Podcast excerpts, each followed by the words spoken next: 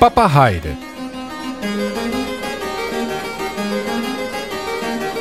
Tussen Bach en Mozart zit een wereld van verschil. Met Bach sta je nog met één been in de middeleeuwen met zijn doorwrochte fuga's en dichte texturen. Mozart is modern. Een melodie met een paar akkoorden eronder. Het zou zo een popliedje kunnen zijn.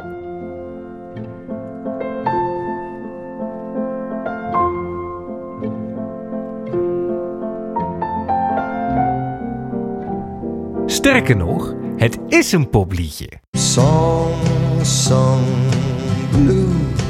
Everybody knows. Maar dat geheel terzijde.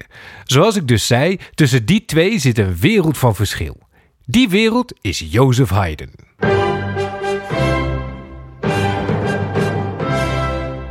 Hij was 18 toen Bach in 1750 overleed en 59 toen Mozart stierf. Dat vertelt ons twee dingen.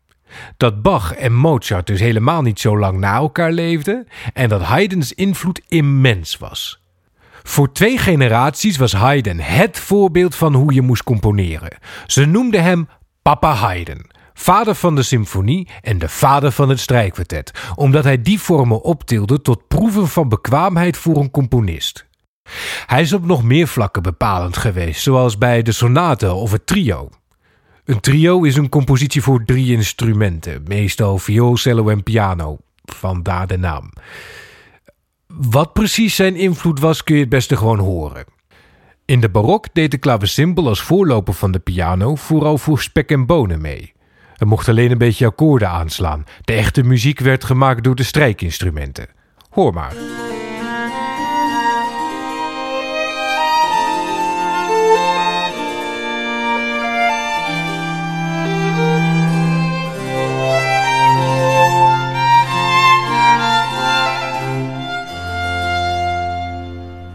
Bij Haydn veranderde dat en toen mocht de piano ook meedoen.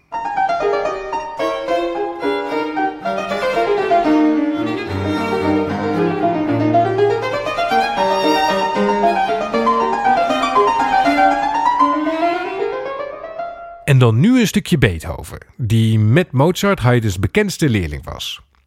Beethoven doet nog andere dingen hoor, waar we het heel lang over kunnen hebben. Maar hier hoor je dat het trio eigenlijk een pianotrio is geworden. Zoals het in de barok eigenlijk een viooltrio was. Dus die ontwikkeling van de piano dominant te maken, waar hij ermee begon, dat maakt dat Beethoven hier af.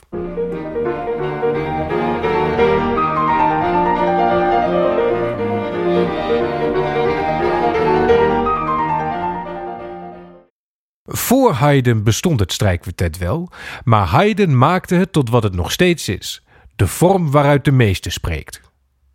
Kijk, met een orkest kan een componist slordigheden in het componeren nog wel verbergen met een poempaukenslag of met leuke effecten, maar met een strijkkwartet kan dat niet. Het zijn maar vier instrumenten en als je daar slechte noten voor schrijft, val je gelijk door de mand. Voor Haydn klonk het strijkkwartet zo.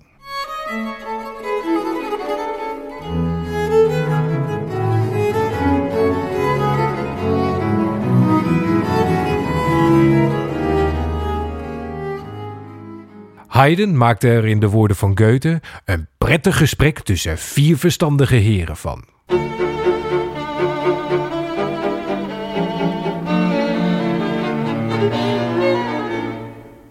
Lange tijd wist Haydn helemaal niet dat hij zo populair was. Als hofcomponist van de prins van Esterhazy woonde hij op het kasteel Esterhaza in de bossen van Hongarije.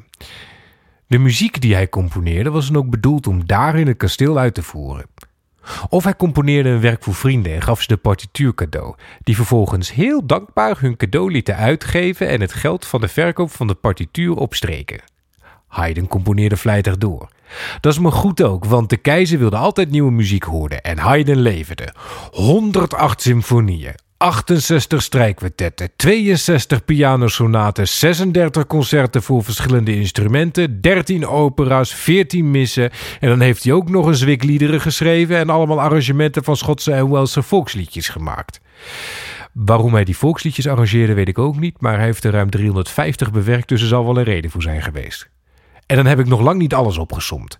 Als je al zijn muziek wilt horen, ben je al gauw een dag of zeven non-stop aan het luisteren. Als je zoveel muziek schrijft, krijgen composities nog wel eens bijnamen. Want symfonie nummer 45 mag zich misschien wel wat meer van symfonie nummer 62 onderscheiden dan alleen in nummer. Het helpt ook als er een leuke anekdote bij zit. Zo heeft symfonie nummer 45 de bijnaam Vaarwel. Dat zit namelijk zo.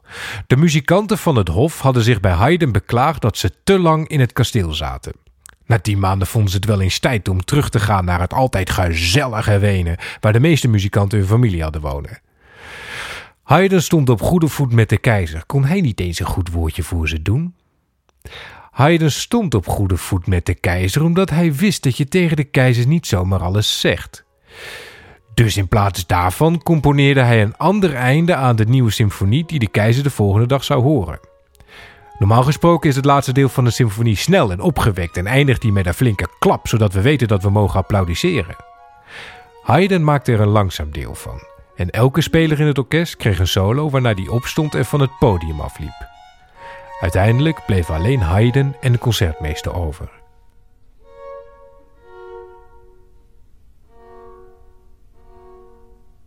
De volgende dag verkaste de keizer de hele hofhouding naar Wenen. Maar meestal hebben de bijnamen een wat prozaïsche oorsprong. De strijkkwartetten opus 20 worden de zonnekwartetten genoemd omdat op de uitgave van de partituur een zonnetje stond. En soms is er eigenlijk geen reden voor een bijnaam. Zo heet symfonie nummer 22 De Filosoof, maar niemand weet waarom. Er is geen mooi verhaal of een sappige anekdote die de naam verklaart, al is het maar apocrief. Op een gegeven moment zijn mensen die symfonie gewoon zo gaan noemen. Maar van alle werken die hij heeft gecomponeerd was het Keizerthema zijn favoriet. Hij was in Londen geweest om een reeks uitvoeringen van zijn werk bij te wonen.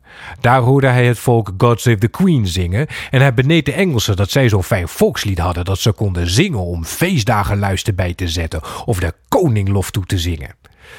Hij vond dat Oostenrijk ook zo'n volkslied nodig had, dus componeerde hij het zelf. God erhalte Franz den Keizer, tegenwoordig beter bekend als Deutschland, Deutschland über alles, oftewel het Duitse volkslied.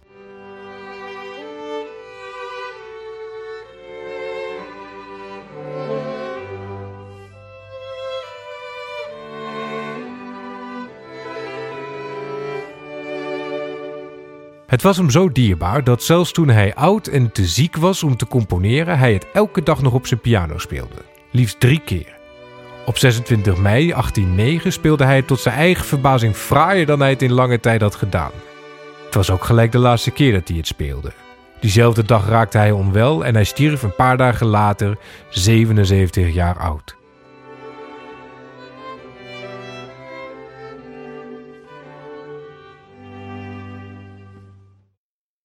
Tot een paar decennia geleden stonden Haydn en Mozart op gelijke hoogte. Maar tegenwoordig heeft men de neiging Haydn als de mindere van de twee te beschouwen. Noem het de invloed van Miles Forman's klassieke film Amadeus. Maar daarmee doen we Haydn toch echt tekort. Ja, zijn muziek kan soms wat truttig zijn, maar dat kan die van Mozart ook. Truttigheid, dat heeft net zoveel te maken met de manier waarop het wordt uitgevoerd als de smaak van de klassieke tijd. Kijk, Haydn was een man van de verlichting, met een bijbehorend opgeruimd karakter dat je in veel van zijn muziek terughoort.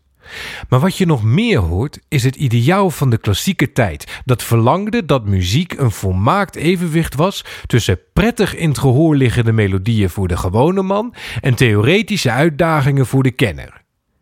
In het balanceren van die twee dingen was Haydn een absolute meester. En dan hebben we het nog niet eens gehad over waarom Haydn de vader van de symfonie is. En ook niet over zijn belang voor de ontwikkeling van de sonate hoofdvorm. Van de wat? De sonate hoofdvorm. Hebben we het nog wel een keer over. Tot die tijd, leven Papa Haydn!